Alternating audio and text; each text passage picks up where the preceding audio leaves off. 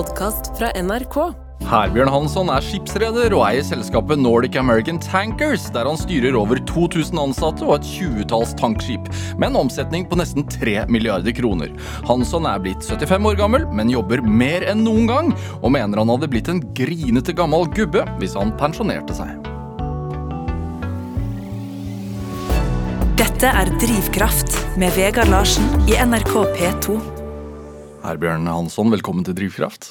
Takk for at dere har invitert meg. Veldig hyggelig å ha deg. Hvordan har du det? Jeg har det veldig bra. For å si det kort. Ja. Jeg eh, kunne vel neppe hatt det bedre. Hva var Én ting Én ting du kunne endret på som gjorde at du hadde hatt det litt bedre. Hva hadde det vært? Nei, du, det vet jeg ikke. Jeg har, og bank i bordet, god helse. Ja. Jeg arbeider tolv timer hver dag. For en glede. Ja, det er en stor glede. Ja. Når jeg ser på noen av mine venner eh, som kanskje er litt velstående, de sitter hjemme og leser bøker og så spiller golf.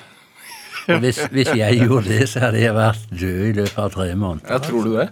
Ja, jeg, jeg, jeg kunne aldri gjort det. Jeg er nødt for å arbeide, det har jeg alltid gjort. Og det er veldig mange flere som blir syke av å arbeide for lite enn å arbeide for mye. Jeg har alltid arbeidet mye. Det er en god venn av meg som sier til meg du vet du og jeg som er 20% dummere enn alle andre, vi må jobbe 20% mer for å oppnå samme resultat. Er det? Du, du kommer eh, rett fra Sandefjord i dag? I dag kommer jeg fra Sandefjord. Ja. ja. Ikke kjørt sjøl?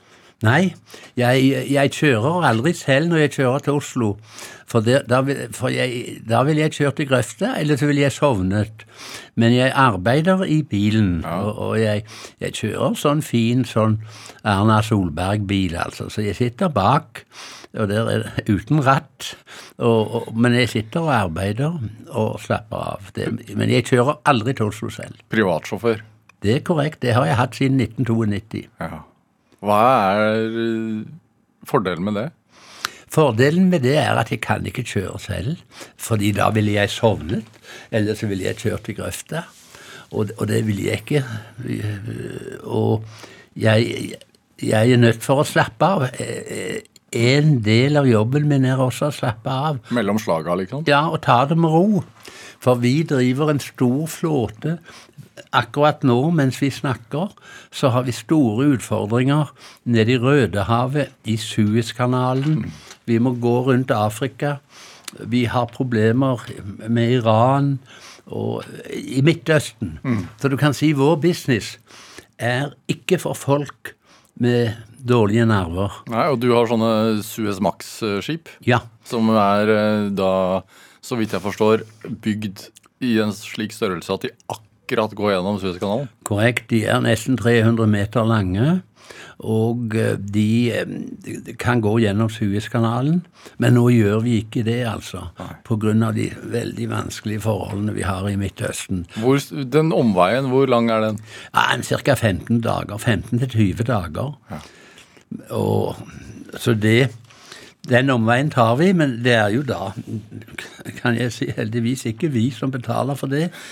De som leier skipene våre, betaler Ja. for det. For det er businessen din. Altså, du Ja. kjøper eh, skip og eier de. Jeg eier de, og så leier jeg de ut til Exxon, Ja. eh, til Esso, og, og, og til Shell og til British Petroleum, og de store interna... Og Equinor, ikke minst, i Stavanger.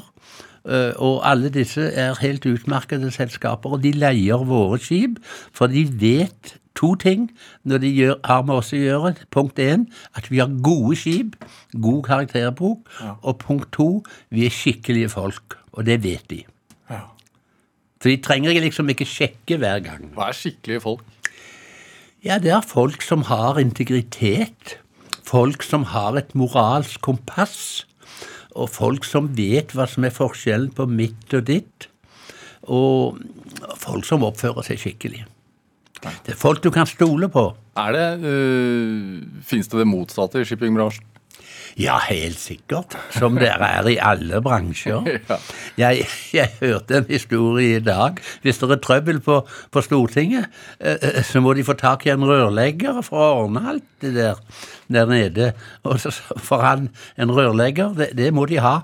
For på Stortinget er det jo bare rør allikevel, var det en, en som sa. Men la det ligge. Dette er Drivkraft med Vegard Larsen i NRK P2. Og i dag er eh, skipsreder Herbjørn Hansson her hos meg i Drivkraft på NRK P2. Tilbake til disse skipene dine. altså Du kjøper de, og så leier du de ut. Og så så jeg en nyhet i DN eller Finansavisen eller sånn i går at ratene har gått veldig opp den siste tiden. Altså dagsratene, hva det koster å leie et skip per dag. Ja. Så nå det hadde steget fra 40 000 dollar per dag til 70 000, og de regnet med at det kom til å bikke 100 000 dollar per dag å leie et skip. Ja. Hvorfor eh, denne økningen i pris? Det går veldig opp pga. én hovedting. Det er knapphet på skip. Og så er det også det at de store oljeselskapene er veldig nøye på hvem de gjør business med. Som jeg eh, nevnte, vi har gode skip, og så er vi gode folk. Og de stoler på oss. Og dette å ha, for å bruke et fint ord, kredibilitet, det er viktig i vår business. Og det vet oljeselskapene. Eh, vi er på børsen i New York, notert på børsen i New York. Og derfor så må jeg Den stenger klokken ti norsk tid. Så jeg er oppe alltid til ti-halv elleve hver kveld. Inntil børsen har stengt, altså. Hva er det du er, kikker på da, da? Ja, jeg ser på ratene, og jeg ser på om det er noe som har skjedd. Jeg ser på hva som hva hender i Amerika. Nå er det jo Donald Trump og alle forhold forbundet med han som er veldig eh, viktig. Og, og jeg følger med så godt jeg kan eh, i, i hva som foregår i USA. Det er viktig for oss. Fjerne Østen er viktig, og USA er viktig. Er det Dere har mange aksjonærer også i USA. Det er, dere er store i USA. Ja, vi har 70 000 eller 80 000 aksjonærer i Amerika. Og de er jo veldig opptatt av hva som foregår. Og de ser jo et sted, for de får utbytte av oss, har fått i 105 kvartaler. Og aksjonærene ser et sted, det er i lommeboken. Og det gjelder alle mennesker. Og hvis lommeboken øker, så blir det bra, og hvis den går ned, så er det dårlig. Ja. Men jeg har et veldig godt forhold til alle aksjonærene som vi har. Utbyttekongen blir du kalt noen ganger. Ja, vi, vi deler utbytte. Vi har delt utbytte, i, øh, distribuert utbytte i 105 kvartaler etter hverandre. Hvorfor, hvorfor vil du det? Jo, for alle mennesker liker å få en sjekk. Å få en sjekk det det å, å se nå Nå vet jeg at det kommer penger inn på kontoen. Hva var den første sjekken du husker at du fikk, og, og, og puttet den stolt i lomma? Ja, det var, det var på 80-tallet, det. Det var på 80-tallet. Ja. Jeg, jeg var nummer to i et av Norges største konserner. Hvilket var det? Ja, det, det het Kosmos Anders Jahre, og jeg var bare 34 år den gangen. Øh, Jeg kunne jo lite, og de som ansatte meg, kunne også veldig lite. Men, men, men øh, alle de bedriftene ble veldig gode og eksisterer den dag i dag. Og, og, og så er det det. Jeg jobbet ti år i Anders Jahre-systemet. Og hvis jeg skal kritiseres for noe, som jeg sikkert kan, så er det jeg alltid vært forsiktig. Alltid vært veldig forsiktig. Jeg har aldri i vårt selskap vært i nærheten av å være konkurs. Det har vi aldri vært. Og, og, den kritikken tar jeg, at jeg er forsiktig. For det tror jeg er en god holdning. Og det lærte vi hjemme, der jeg kommer fra opprinnelig, Hjelmeland i Ryfylke. Vær forsiktig. Men skal man ikke ta litt sjanser da i business? Jo, man skal ta sjanser, men eh, man må se på sannsynligheten for at det går galt. Ja. Men så er det en annen ting også som ligger dypt festet eh, nærmest i mitt hjerte, der jeg opprinnelig kommer fra, fra barndommen. Der hadde de det uttrykket du må ikke tro du er noe. Det er veldig viktig. Den norske janteloven, den er viktig. Er den bra, tenker du? Nei, jeg syns ikke noe om det. Nei. Ibsen eh, omtalte den allerede i eh, 1879 i en tale i Roma. Når han snakket om de små menner. De små menner, for de tenker så smått. Og de arbeider smått. Og, og eh, jeg mener vi må ta sjanser. Men du må aldri ta en så stor sjanse at du kan gå konkurs. Når begynte du å tenke at janteloven var noe tøv? Jeg, jeg, jeg, jeg sier ikke det er noe tøv, for alle må mene og gjøre det de vil. Men, men jeg fant ut det var ikke noe for meg. Nei, Når fant du ut det? Ja, det har, jeg, det har ligget dypt eh, hos meg i, i hele livet. Og jeg sier også det Hvis jeg ikke har noe godt å si om folk, da sier jeg ingenting. Det er ikke nødvendig å si noe hvis du ikke har noe godt å si noe om folk. Nei. Er det eh, du, du holder jo til i Sandefjord. Ja. Eh, hvorfor har det blitt, det, eh, blitt sånn? Ja, det kan, Hadde jeg vært 20 år yngre, så hadde jeg flyttet til utlandet. Helt utvilsomt. Ja da, Sønnen din har du flytta til utlandet. Ja, han har bodd ute i 20 år, han. Ja. Men jeg, jeg, jeg Nå jeg, jeg bor i Sandefjord. Jeg er en av de største personlige skattytere i Norge. Og det syns jeg er greit nok, altså. Jeg, jeg, jeg syns det. Hva er flott i Sandefjord, da? Nei, det er jo en grei by å bo i. Eh, Jeg, jeg syns det. Jeg, jeg, må jo få lov også å si vi har en veldig flott flyplass der som heter Torp. Og, og jeg vil jo nevne her at det, eh, han som ledet utbyggingen av Torp, var min sjef, Bjørn Bettum. Og jeg var nummer to den gangen. Og Torp er en stor internasjonal flyplass nå, som i sin tid ble bygget av amerikanerne. Og det er en veldig, veldig En av de lengste rullebanene i Norge. Og, og det er en flyplass som er nå i veldig ekspansjon, og som er en, motor i hele, i hele området. Men har du kontorer i Sandefjord? Ja. Ja. Hvor, Hvor, hvor mange steder har du kontor? Ja, jeg har kontor i Sandefjord, og så har jeg kontor i Oslo. Og så har vi jo Vi er opererer i 67 land i verden. Vi har ikke kontorer der, men vi, vi har eh, representasjon gjennom et veldig utmerket selskap som heter V-Ships, som eh, er lokalisert i Oslo. Men det, vår business, det er internasjonal business. Det er internasjonal energibusiness og internasjonal politikk. Og vi, det som er viktig for oss, det er skjønne verden. Ja. Og hvor komplisert er det? Ja, det er ganske komplisert, kan jeg fortelle deg. Men shipping er jo så enkelt, har du sagt. Nei, jeg vil i grunnen ikke si det. Men det jeg sier er du må være villig til å ta risiko. Ja. Men eh, noen av mine vennlige konkurrenter har vært konk. Jeg har aldri vært i nærheten av å være konk. Og, og, og, du kan si vi er i en risikofylt business når vi er i Midtøsten. Som jeg nevnte, dette er ikke noen business for de med dårlige nerver. De må finne på noe annet å gjøre enn å være i denne businessen. Det var jo eh, en del av dine vennlige konkurrenter, som du kaller det, altså uttaler seg jo eh, ganske sjelden til pressen. Og er sjelden uh, lar seg intervjue. Du har jo uh, oppnådd det uh, de senere årene, å gå det som heter viralt på internett. Etter at du har vært med på sånn Dagsnytt 18-debatt med, med Kaski fra SV. Ja, Så har det blitt laget noen musikkvideoer med deg. ja, det er så riktig. det. Har du sett de? Ja, jeg har sett de, men, men ikke, ikke helt. Men jeg, det, eh, Kari Elisabeth Kaski, hun, hun, hun, hun, hun sier til meg 'du kan jo mye mer om dette enn meg', sier hun. Vet du. Det, er jo, det er jo ikke så fint av meg å si det på, på, på radioen, men, men ok. Men eh, jeg får, til, får spørsmål veldig ofte om å være med på mye, Ja. og jeg sier alltid nei. Men jeg sier ikke nei. Jeg sa ikke nei når, når, når NRK spurte om jeg ville være med i Drivkraft, fordi NRK har alltid vært så vennlige med meg. Jeg kjente jo før i verden Tor Gjermund Eriksen. Eh, Jeg kjente godt Jonny Bernander, som var sjef her i huset i sin tid. Og han jobbet også i mitt system, Jonny. Og, og min bror jobbet i NRK, Arild Hansson. Ja. Han, han midt i musikken og musikkmanesjen.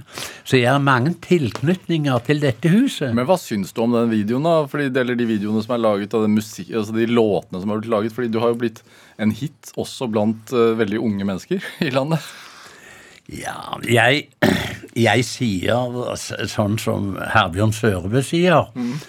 Han som tar seg sjølve for høytidelig, han har snart ingen andre å snakke med enn seg sjølve. Og du kan si Jeg må jo innrømme at, at jeg har problemer i så måte. Jeg tar ikke meg selv veldig høytidelig. Men det som er verre, er jeg tar ikke andre så veldig høytidelig heller, altså. Og det, det, det er litt problematisk, men ikke, ikke, ikke veldig. Er, er det greit at vi bare hører litt av den låten? Den ene? Den Cayman Island? Ja, absolutt. Kan vi gjøre det? Ja, absolutt. Det er mange som plasserer penger der for å betale mindre skatt. Nei, det kjenner ikke jeg til. Og så har jeg vært her i 40 år. Cayman Island, skatteparadis med skatt for å skjule penger. Notorisk trakassering. Du har ikke greie på det du snakker om. Jersey, Monaco, Cayman Island, Bermuda. Og hun har aldri vært der. Hun har lest det i en bok. Og hun sier at det er noe røverhunder. Cayman Islands. Nei, jeg har aldri vært der. Hun har lest det i en bok.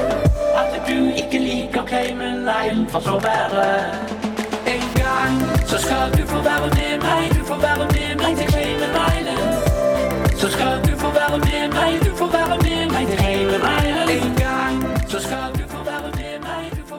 Ja, du fikk uh, smakebit av Cayman Island her, her, med Herbjørn Hansson og Kari Lesbeth Kaski. Eh, det er gøy, da.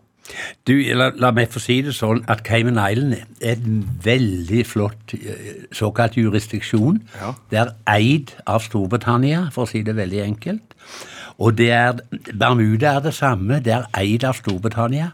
Men Cayman Island er i det som heter Karibien, og Bermuda er langt, langt nord, øst for New York. Og på Bermuda, der, eh, der eh, De er en time et kvarter øst for New York. Og de ligger midt i Golfstrømmen. Og det er derfor Bermuda har så veldig vennlig og godt klima. Men er det, opplever du at det generelt er sånn en del uvitenhet og fordommer? Ja, ja, absolutt. Ja, det er, det er voldsom uvitenhet. Ja, På hvilken måte? Ja, på, du vet ta, ta vårt lille land, da. Ja. Du vet det er 99,9 av verdens befolkning som bor utenfor Norge. Liksom Når man hører den lokale diskusjonen, så kunne man tro at alle bodde i Norge, og at det var, var 99,9 bodde i Norge og 1 0,1 i utlandet. Men det, det er mye Ofte er det mye enklere å mene mye om ting man ikke kan noe om, enn om man kan noe om det. For, for verden er komplisert. Den er komplisert. Ja. Og, og det har den alltid vært. Og, og det, det vil den alltid fortsette å være. Men, men det, det gjelder også for hver enkelt av oss å skjønne hva vi ikke forstår. Det anser jeg som veldig viktig. Og, også, men, men jeg, som leder en, en stor rederigruppe, jeg er nødt for å ha en oppfatning. Ja. Jeg kan ikke stikke hodet i sanden og si Nei, det vet jeg ikke. Jeg jeg er nødt for å ha en oppfatning, og våre aksjonærer de forventer at de har en oppfatning. Hva er hemmeligheten bak suksessen, da? Siden du aldri hadde gått konk? Vel, jeg, jeg vet ikke, men jeg, jeg er en enkel sjel. Jeg jobbet lenge sammen med en som het Erling Dekke Næss. Han var bror til logikkprofessor Arne Næss, som mange vil kjenne fra Stilla, fra Alta osv. Ja. Og Erling, som jeg jobbet sammen med lenge, i mange år Jeg møtte Erling, og jeg møtte Henry Kissinger, som nylig gikk bort. De var bare oss fire. Altså Erling sa litt spøkefullt Han var en intellektuell begavelse, men han sa jo litt spøkefullt til meg Det er alltid de dummeste bøndene som får de største potetene. Han. Og Erling og jeg hadde et fenomenalt samarbeid i mange år. Ja. Så, så, men jeg, jeg blir litt brydd når du snakker om suksess, men det jeg vil fre, sterkt fremheve, det er at vi har gode skip, og så er vi gode folk. Og jeg har en veldig god stab rundt meg, som assisterer meg i alle viktige beslutninger. Hvor hands on er du? Noen mener altfor mye, eh, det, og det har de kanskje rett i. Ja, hvordan er du det, da? Hva, Ja, for jeg husker veldig godt. Ja. Jeg, jeg har ført dagbok siden eh, 1978. Én bok hver dag. Nei, hvert år. Så, så i dag eh, eh, får du en halv linje i min bok. Vegard, NRK, står det da i, i eh, min bok, dagbok fra i dag. Fordi jeg er jo så veldig mange steder i verden. Og da for å holde orden på hvor jeg har vært og ikke vært, så er det veldig bra. Hvorfor begynte du med dette? Det var for å ha orden på tankene mine og ha orden på hvordan jeg går fremover. Det var veldig, veldig viktig, fordi når du steller med så mange ting som jeg gjør, så må du ha klarhet i dette. Vi, vi har eh, et uttrykk i Norge vi må ha to tanker i hodet på en gang. Men i min situasjon så må vi ha ti tanker i hodet på en gang. Ja. 15 tanker. Og hva er det, da? Hva, hva, hva er det som du fyller eh, bekymringene med hver dag? Nei, ja, det, det er ikke bekymringer, dette.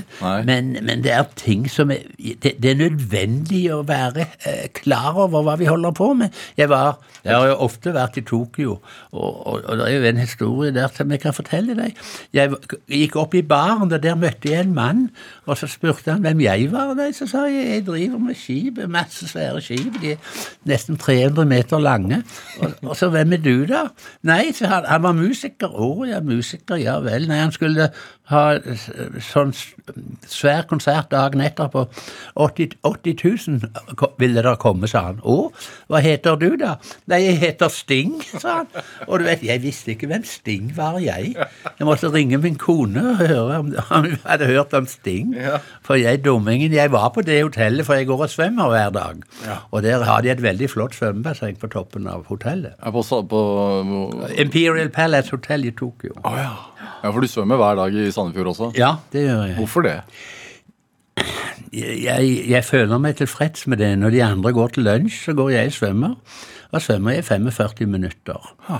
Og det Jeg sier det jo litt spøkefullt at jeg har så mange å slåss med at jeg må ha sterke armer.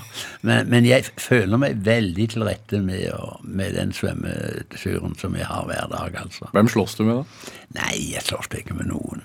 Jeg, jeg, det er ikke nødvendig å slåss. Jeg, hvis jeg skal kritisere meg selv, og jeg har ikke så stor selvinnsikt, men jeg, jeg liker å deale med de gode menneskene. Ja. Det er det viktigste. Hva er en god deal? En god deal, det, når du får gjort en god deal, da syns du liksom Det er å løpe 60-meteren fortere enn alle de andre. Ja, men innenfor ditt virke, hva, Ja, det- hva er en god deal for deg? Når har du sittet og tenkt sånn Yes, det var en god deal. Jo, nei, det, det jeg, jeg, jeg vet ikke akkurat det. Det har Har det, da vært noen. Jo da, det, det har jo det, men Du må jo ha en teft. jeg har jo jeg har jo å gjøre med noen av de mest velstående menneskene i verden. Jeg har en god venn som bor oppe i, oppe i Dallas eh, i, i Amerika, og han eier banken selv. Ja. Og, og jeg gjorde en veldig god deal med han, for han tok over all gjeld vi hadde i selskapet. Ja. Så gikk jeg til eh, de norske banker, eh, danske banker og de svenske banker. Så her, er alle pengene deres, vær så god. Og han vennen i, i, min, i, i Dallas i Texas Det er enkelt å jobbe med han, for som jeg sier Du eier jo banken selv, du, sier jeg. Og hvis, hvis, hvis du skal låne penger, så kan du bare spørre deg selv, altså. Men, men han er god til å spille poker. Ja. Han var nettopp i, i, i Las Vegas, fortalte han meg. Det, det sto jo i pressen òg. Han tapte 16,9 millioner, dollar på et pokergame der oppe. Men som han sa, det gikk greit, det. Så, så. Jeg ø, ø, helt Vil ikke snakke om det engang, men i ungdommen så var jeg ganske flink til å spille poker. Altså. Ja. Ja.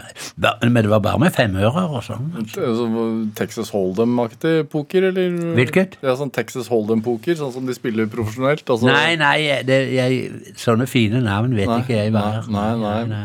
Men, men, Men jeg, var, jeg kaster på strek, kalte vi det for. Men er du et konkurransemenneske? Ja, jeg er vel kanskje det. det jeg, jo da, jeg må vel innrømme at jeg er det. Hvem konkurrerer du mot i dag, da, tenker du? Nei, jeg konkurrerer mot meg selv. Hva, hva, og, og, hvordan gjør man det? Jo, for man, man syns det er morsomt å få noe til. Man syns det er morsomt å skape noe. Men man må se fremover. Vi kan ikke se bakover. Men det å kunne historie Når jeg eh, tok eksamen på Handelshøyskolen i Bergen i sin tid, da hadde jeg historie som fag. Og, det var en som het Rafto, Torolf Rafto. Noen av de som hører her, vet, har hørt om Rafto-stiftelsen. Og Torolf Rafto, han stimulerte min, min interesse for økonomisk historie. Og det har jeg alltid hatt, altså. Hvorfor det, tror du? Jeg, jeg vet ikke. Det, det har å gjøre med Handelshøyskolen. Jeg husker første kvartal, nei, første halvår jeg gikk der, så var vi i et såkalt kollokvium, en gruppe på fire. Og, og to av oss eh, kom gjennom med brukbar eksamen. Og de to andre de strøk i alle fag. Og en av de som strøk, han ble professor for sikkerhets skyld, altså. Så, men, men jeg vet ikke. Er du, eh, er du fra et bemidlet hjem? Nei vel, min far var, var en, eh, en velstående kar etter de beskjedne forhold vi hadde den gangen. Mm. Han drev en møbelfabrikk som han startet i 1938. Kjent for Gjærstolen, blant annet? Ja, Gjærstolen Aksel. Aksel var min far, født i 1916, 27. oktober. Og han, han fant ut i 1938 at alle i verden de måtte sitte, de kunne jo ikke stå hele livet. Og derfor så satte han det i gang, og jeg driver den møbelfabrikken ennå. En liten fabrikk eh, som eh, jeg eh, prøver å holde liv i, og det har kostet meg en del penger, men det prøver jeg å få til, og da konkurrerer jeg med en statsråd som heter Vestre, for han er i møbel, møbelbransjen også, men han har fått støtte av staten, han. Og, og sånn, men det har ikke jeg fått. Men, men, det får vi da prøve. Jeg, jeg klager ikke på noe, jeg. Men hvorfor holder du liv i den? Fordi det, som du sier, det har kostet deg litt penger. Den går jo ikke med sånn veldig overskudd. Nei, den går med veldig underskudd. Ja, det så for det har kostet meg millionbeløp. Er hundrevis. Ja, ja, nei, ikke hundrevis av millioner, men jeg har satt inn fem-seks millioner. Men, Ja. men jeg, det er vel for å hedre min avdøde far, tenker jeg, Ja. og holde liv i den. Og, og sånn, og nå har jeg fått gode folk som hjelper meg. Min svoger hjelper meg, er veldig dyktig. Og, og så har jeg en person til som er veldig dyktig, som kan salg og, og, sånn. Så jeg er optimist, jeg. Og det er vel det som har berget meg i livet. Jeg har alltid vært optimist. For jeg legger til grunn én ting i alle våre forretninger. Livet går videre. Verden stopper ikke opp. Vi kan liksom ikke planlegge med at verden stopper opp. Altså. Det, det går ikke. Her blir det Hansson, vi skal, vi skal spille den låta du har med til oss. Eh, Du har med en Inger-Lise Rypdal-låt som heter Fru Johnsen. Hvorfor det? Jo, jeg husker det når jeg var på Bardufoss i militæret i 1968, og Inger-Lise Rypdal spilte for Johnsen, og det syns jeg var så flott. Og så må jeg også si at eh, jeg hadde besøk av eh, Inger-Lise eh, Inger-Lise Rypdal på mitt kontor i Sandefjord, og det var en 40-50 gjester. Og da sang hun den der Edith Piaf-sangen. Eh, Edith Piaf som døde når hun var 47 år. Så skjønner ne regrette rien. Jeg angrer ikke på noe. Og den sang Inger-Lise Rypdal. Det syns jeg var så flott. Og det var den gangen vi, vi, vi, vi gikk med brylkrem i håret, vet du, og, og greier. Det var lenge før din tid, vet du. Men det, det var tider. Det var på Bardufoss. Så du tar deg tilbake dit. Ja.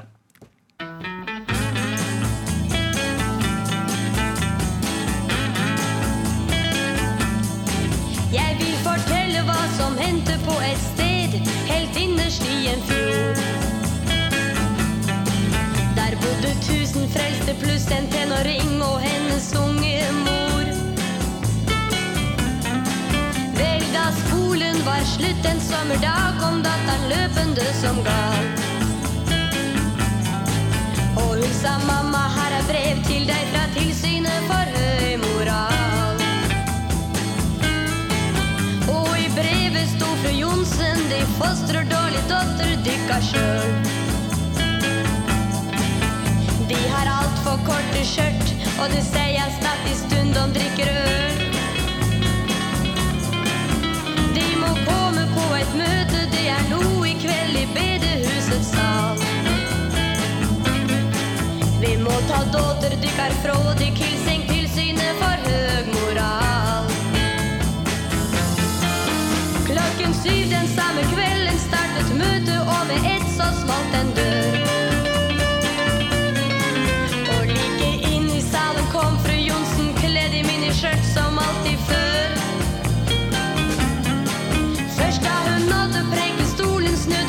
Snudde hun og så ut på den fulle sal.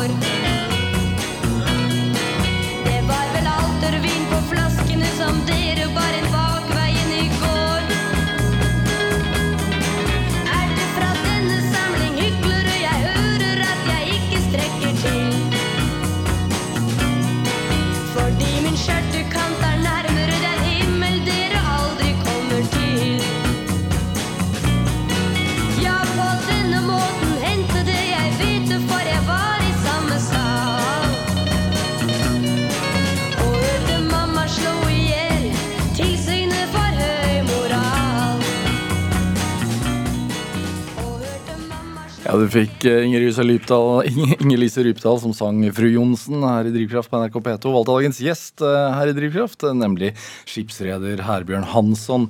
Altså, ta, ta meg tilbake til, til Hjelmeland, Ryfylke, Rogaland.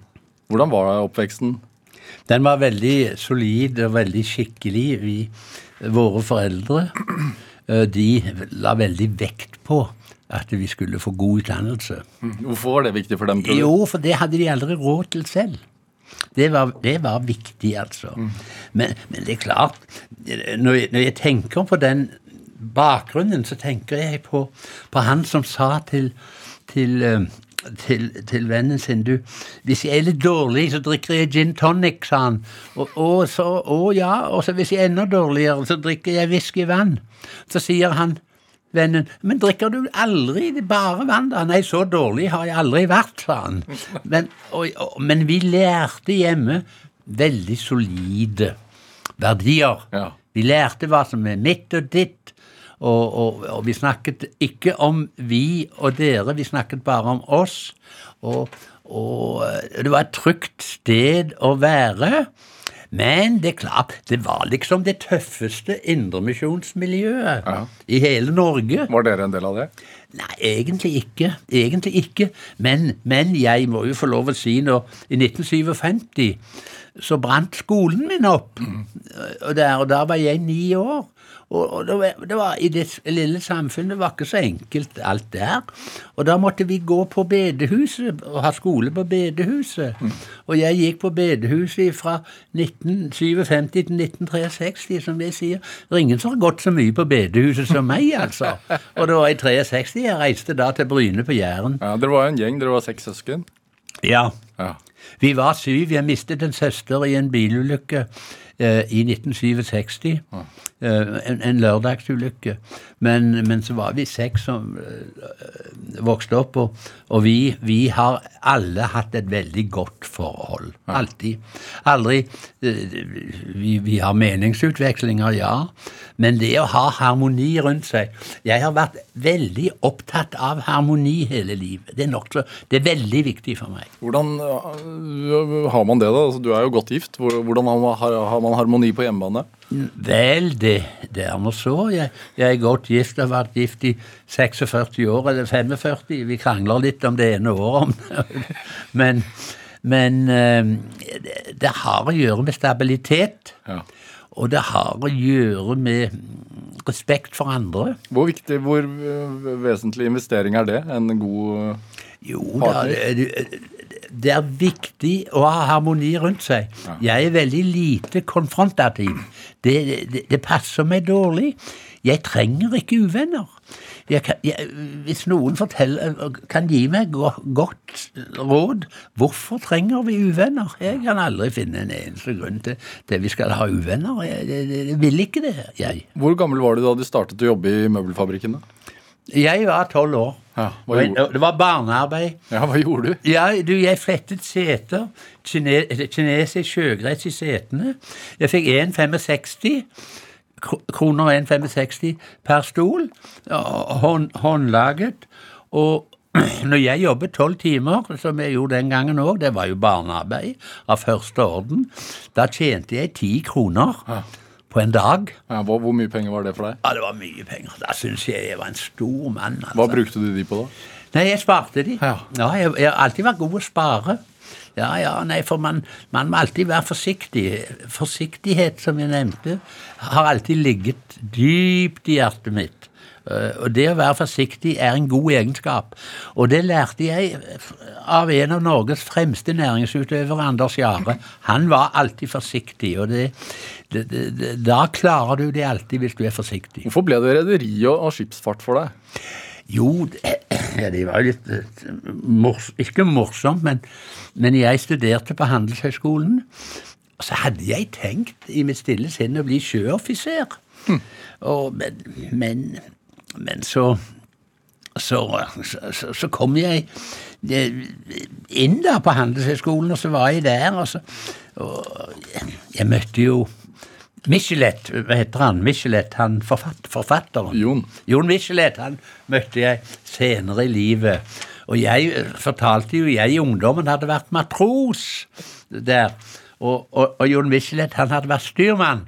Og han og, han og jeg hadde noen eh, var sammen noen steder, og han syntes det var strålende greier at han hadde vært eh, sånn en eh, offiser, og jeg hadde vært matros. Når var du matros? Ja, jeg var matros om somrene eh, eh, mens jeg gikk på skole. Ja.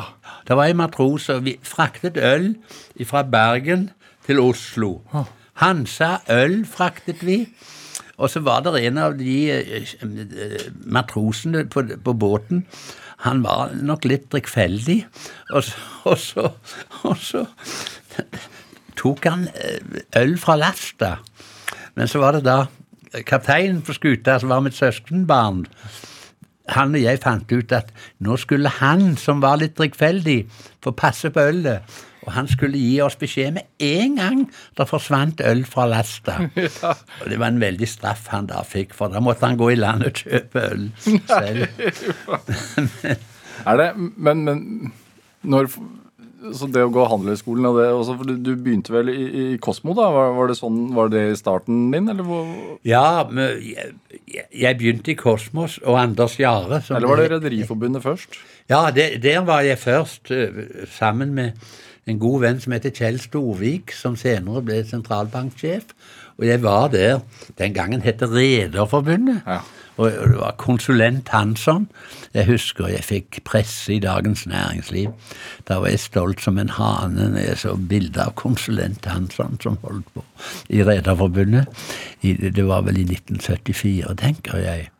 Men så, så ballet det på seg der.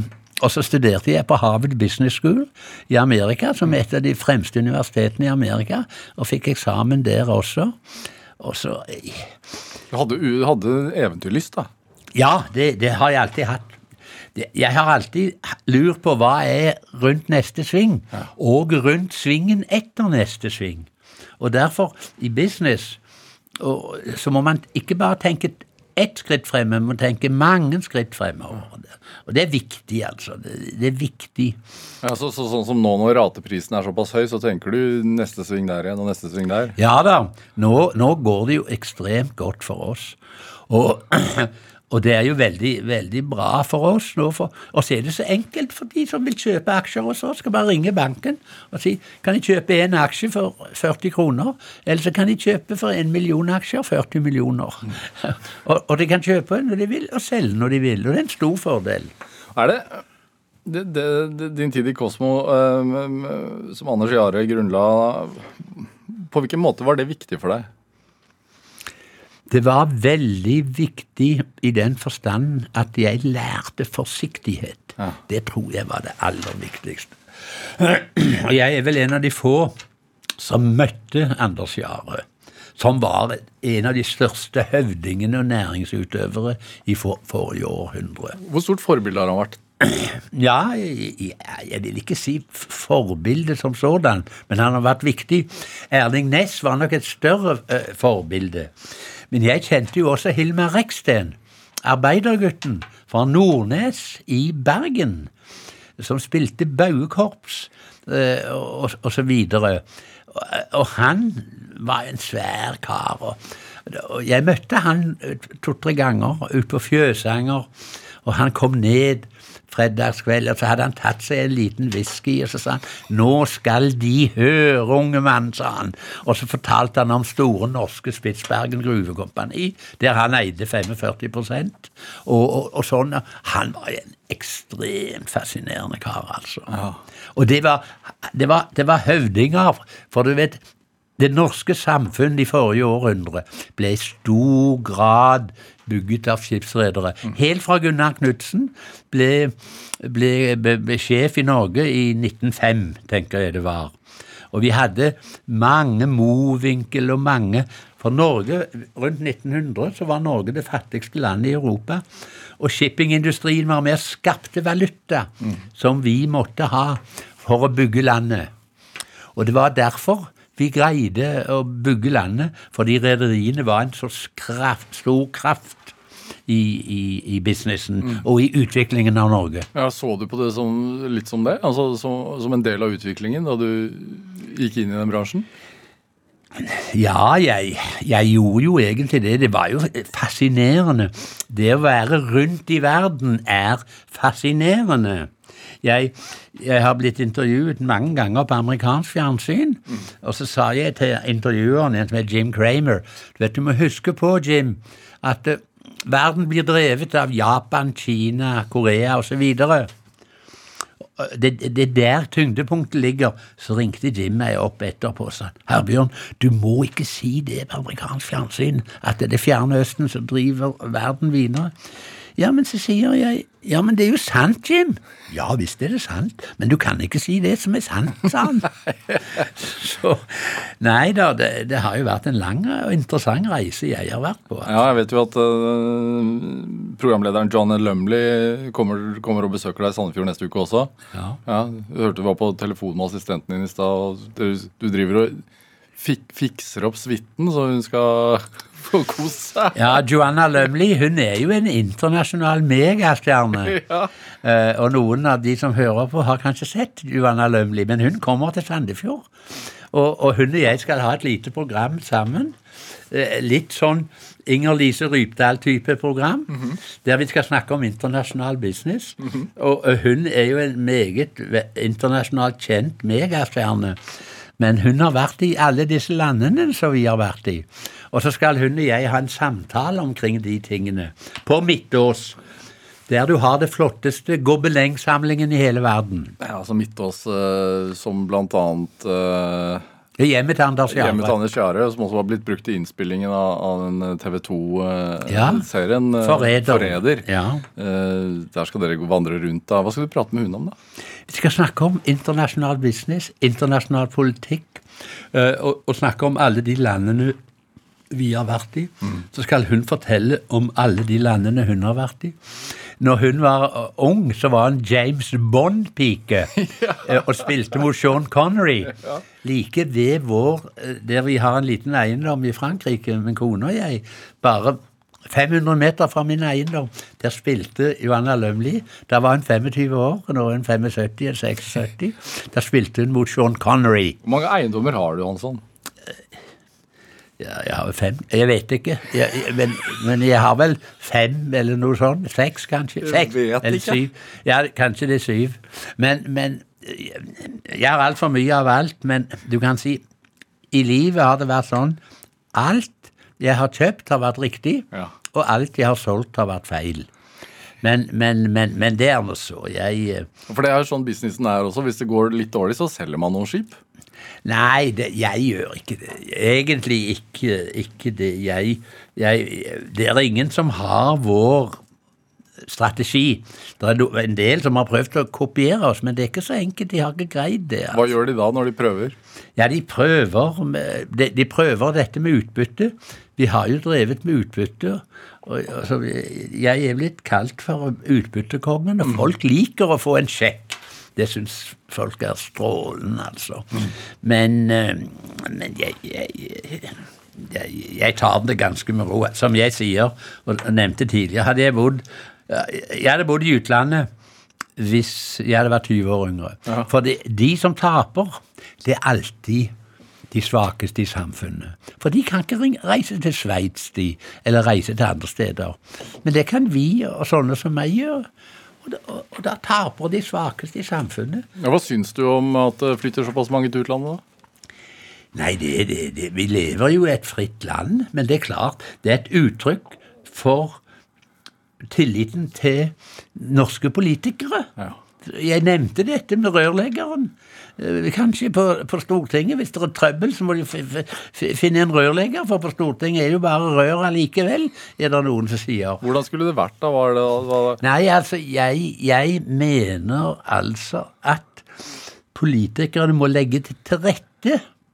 Når de holder på å snakke om vindmøller og batterifabrikker, det er jo rene fiksjoner, altså. Og det, for det, alle de får næringslivet til å se etter subsidier, subsidier, subsidier.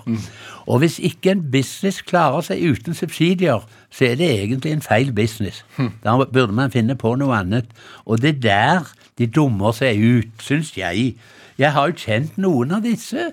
Jeg, møtte jo uh, Gahr Støre første gang i 1988. Jeg, han og jeg og noen andre skrev en bok sammen som heter 'Scenarioer 2000' i 1988. Vi fikk jo veldig mye rett i det vi der skrev, altså. Og jeg syns at de lytter for lite til de som skaper verdier. For du kan ikke bare eh, fordele verdier. Det er noen som må skape de. Det er mye lettere å gi bort ting enn å kreere ting og skape ting. Det er mye vanskeligere å skape ting. Det, den erfaringen har jeg gjort i livet. ja, og mulig Kaski er uenig i det, da. Ja, jeg vet ikke. Hun, hun er en fornuftig person, hun. Ja. Er det det, det, det da du startet for deg selv, og så ble du startet for deg selv og, og, etablerte jo eh, selskapet ditt i, da du var i 40-årene. ja. Jeg var 41 år. Ja, hva, hvor- Hvorfor? Ja, det er et ganske godt spørsmål, for jeg startet på min, på min bursdag 6. mars. Ja, valgt av uh... Nei, det var, det var mer tilfeldig, men, men det var eventyrlyst. Og så så er det jo som svenskene sier, jeg har jo, jeg har jo eh, svenske aner på, på farssiden. Hansson. Ja, Hansson, ja. Altså, min oldefar var en meget fremstående banksjef i Vesterås, og min bestefar bodde i- rett over fjorden, nær sagt, i Strømstad. Men det var som svensken sa, det er trevlig å leve, for da får man se hvor det går, sa han. Og det er jo godt sagt, Ja, altså. hva, hva, hva, hva- Jeg, jeg vil si det var eventyrlyst. ja, men hva sto på spill, da? Nei, ikke noe annet enn at eh, jeg, jeg, jeg, ville aldri kunne gå på trynet, for å si det på godt norsk. Men gikk du da i banken og sa jeg vil, kan jeg låne såpass, og så kjøpte Nei, du ditt første ikke, jeg lånte ikke mye i banken. Jeg, jeg har aldri hatt noe særlig tillit til norske banker. Jeg har ikke det, dessverre. Hvorfor det? Nei da, fordi ja, nå holder vi på å bli gjeldfrie nå. Selskapet ditt? Ja, ja. selskapet og- og jeg personlig og alt blir gjeldfritt. Og da slipper vi å spørre banken om noe som helst, altså. Ja. Det, det. Og jeg har med utlendinger å gjøre. Men hvorfor ikke tillit? Nei, men du vet eh, norske Den største norske banken er jo den norske stat, det. Ja. For det er jo de som eier eh, DNB i realiteten, via Banksikringsfondet og eierskap og sånn. Og det, altså, staten sitter over og under og ved siden av bordet av alle steder. Men, men jeg legger veldig vekt på å bli helt gjeldfri, så har vi ikke noe mer å diskutere med banker eller noe sånt. Nei, men Da du startet opp, hva hadde du hva, hadde... Jeg hadde noen få som satte inn penger, inkludert meg selv, ja. og, og min bror og en, en venn av meg i Amerika satte inn penger. Og vi, ja, vi satte vel inn 15 millioner, tror jeg.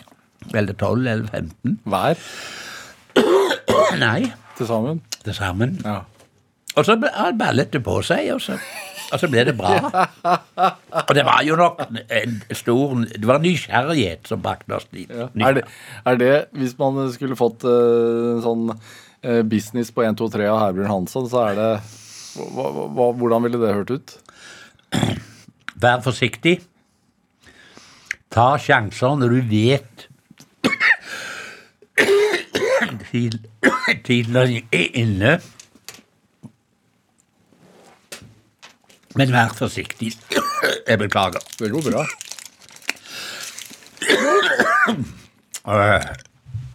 Det er, det er det viktigste. Vær forsiktig. Er det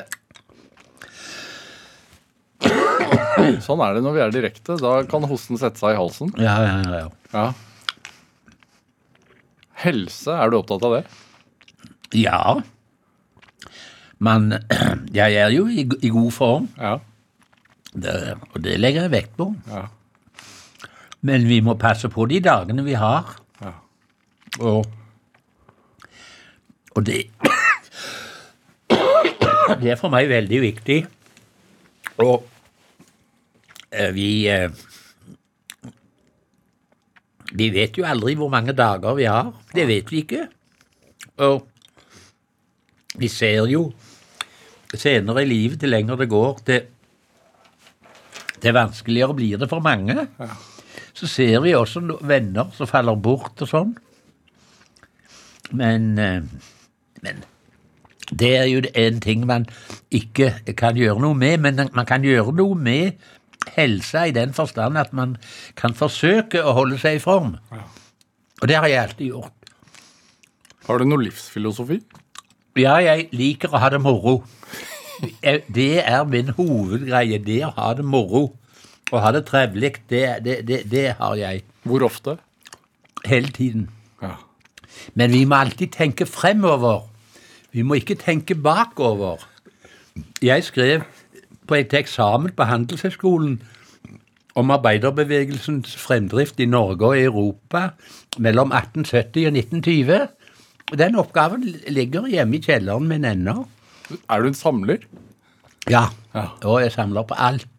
Altfor mye av alt. Hva var samler på, bø på bøker og notater og, og, og, alle ting. Frakker og Frakker? frakker. Ja, du vet, de store menneskene i gamle dager, Ja. de, de hadde frakk. Det var en frakkakar, sa de. Hvis du var en frakkakar, da var du stor mann. Hvor mange frakker har de? Nei, men du har utenfor Haugesund Ja. så er det en, et sted som heter Frakkagjer. Når de fra Indre Ryfylke skulle inn til Haugesund, så hadde de frakkene sine der på Frakkagjær. Det er et sted som heter det. Jaha. Så tatt, tok de på seg frakkene, og så gikk, reiste de til Haugesund. Da båten kom til Hjelmeland eh, i gamle dager, Ja. kom inn om kvelden, så spurte du vennen din eller noe. Ja, hvem var det som var på båten i dag? Ja, det var noen frakkakarer, sa de. Det var de som kom inn og hadde frakk på seg. Det var statussymbol. ja hva, hva er du mest glad i ja, av alt du samler på? Det er vel notater. Notatene dine? ja, alle gamle notater. Jeg er interessert i historie. Ja. Karl Marx. Karl Marx. Han kommer jo fra det aller høyeste samfunnslaget. Ja. Ja, og, og, og, og hvis Karl Marx hadde levd i dag og hatt makt, ja. Så hadde vel sånne som meg blitt skutt, kanskje. Jeg vet ikke. Kanskje du hadde klart det, jeg vet ikke. Men, men, men eh, totalitære regimer er ikke noe særlig. Nei. Du, du har, det har blitt skrevet en uh, biografi om deg, eh, og du skal jo på Lømli nå. Og, og er, du, er du opptatt av å sette et merke? Nei. Overhodet ikke. Nei, jeg, jeg er ikke det, altså. Jeg har ingen eh, ambisjoner. Men jeg kan jo ikke bare drive med, eh, med evenementer, altså Lømli eller andre. Men jeg er her hos dere fordi NRK har alltid vært veldig vennlig med meg. Og derfor er jeg Jeg får tre spør, forespørsler i uka å gjøre det ene, det andre og det tredje. Og jeg sier alltid nei. Det med moro, eh, Hansson. Når har du det mest moro? Ja, det Det er hvis jeg kan snakke med noen gode venner i Amerika. Da har jeg det moro. Eller når jeg kan uh, ser på gamle papirer, da har jeg det moro. Eller når jeg kan tenke på fremtiden. For vi må alltid se fremover. Vi kan aldri se bakover. Men vi må forstå det viktige å kunne historien. Ja, Hva er drivkraften, da? Drivkraften, det er å komme videre. Fantastisk, eh, Herbjørn Hansson. Tusen takk for at du kom til Drivkraft. Hjertelig takk for at jeg fikk komme. Hør eh, flere samtaler i Drivkraft på nrk.no eller i appen eh, NRK Radio. Hvis du logger deg inn der og så trykker du følg, så får du alle de siste Drivkraft-samtalene rett inn i appen din. Send oss gjerne ris eller ros, og også tips til mennesker som du mener har drivkraft. Send en e-posten til drivkraft.krøllalfa.nrk.no. Vi hører veldig gjerne fra deg. Produsent og researcher i dag, det var Ida Kjøstelsen. Men dette, dette var Drivkraft. Jeg heter Vegard Larsen. Vi høres. Du har hørt en podkast fra NRK. Hør alle episodene kun i appen NRK Radio. Grete Strøm strever med et mysterium. Det er den lille ringen der denne historien handler om. Hvorfor har tusenvis av nordmenn samla inn ringer fra toppen av øl- og brusbokser til inntekt for en proteseklinikk i Thailand? Det er gått 1000 kilo her nå. Et tonn? Ja, det er godt gått et tonn som står her nå. Tonnevis av boksringer er samla inn av ildsjeler og kjørt med bil til Danmark, til Tyskland, og sekker er sendt med fly helt til Asia. For hva skjer med pengene som kommer til sykehuset? Gretes jakt på svar fører henne helt til jungelen i Thailand. Hør Bokseringenes herre i appen NRK Radio.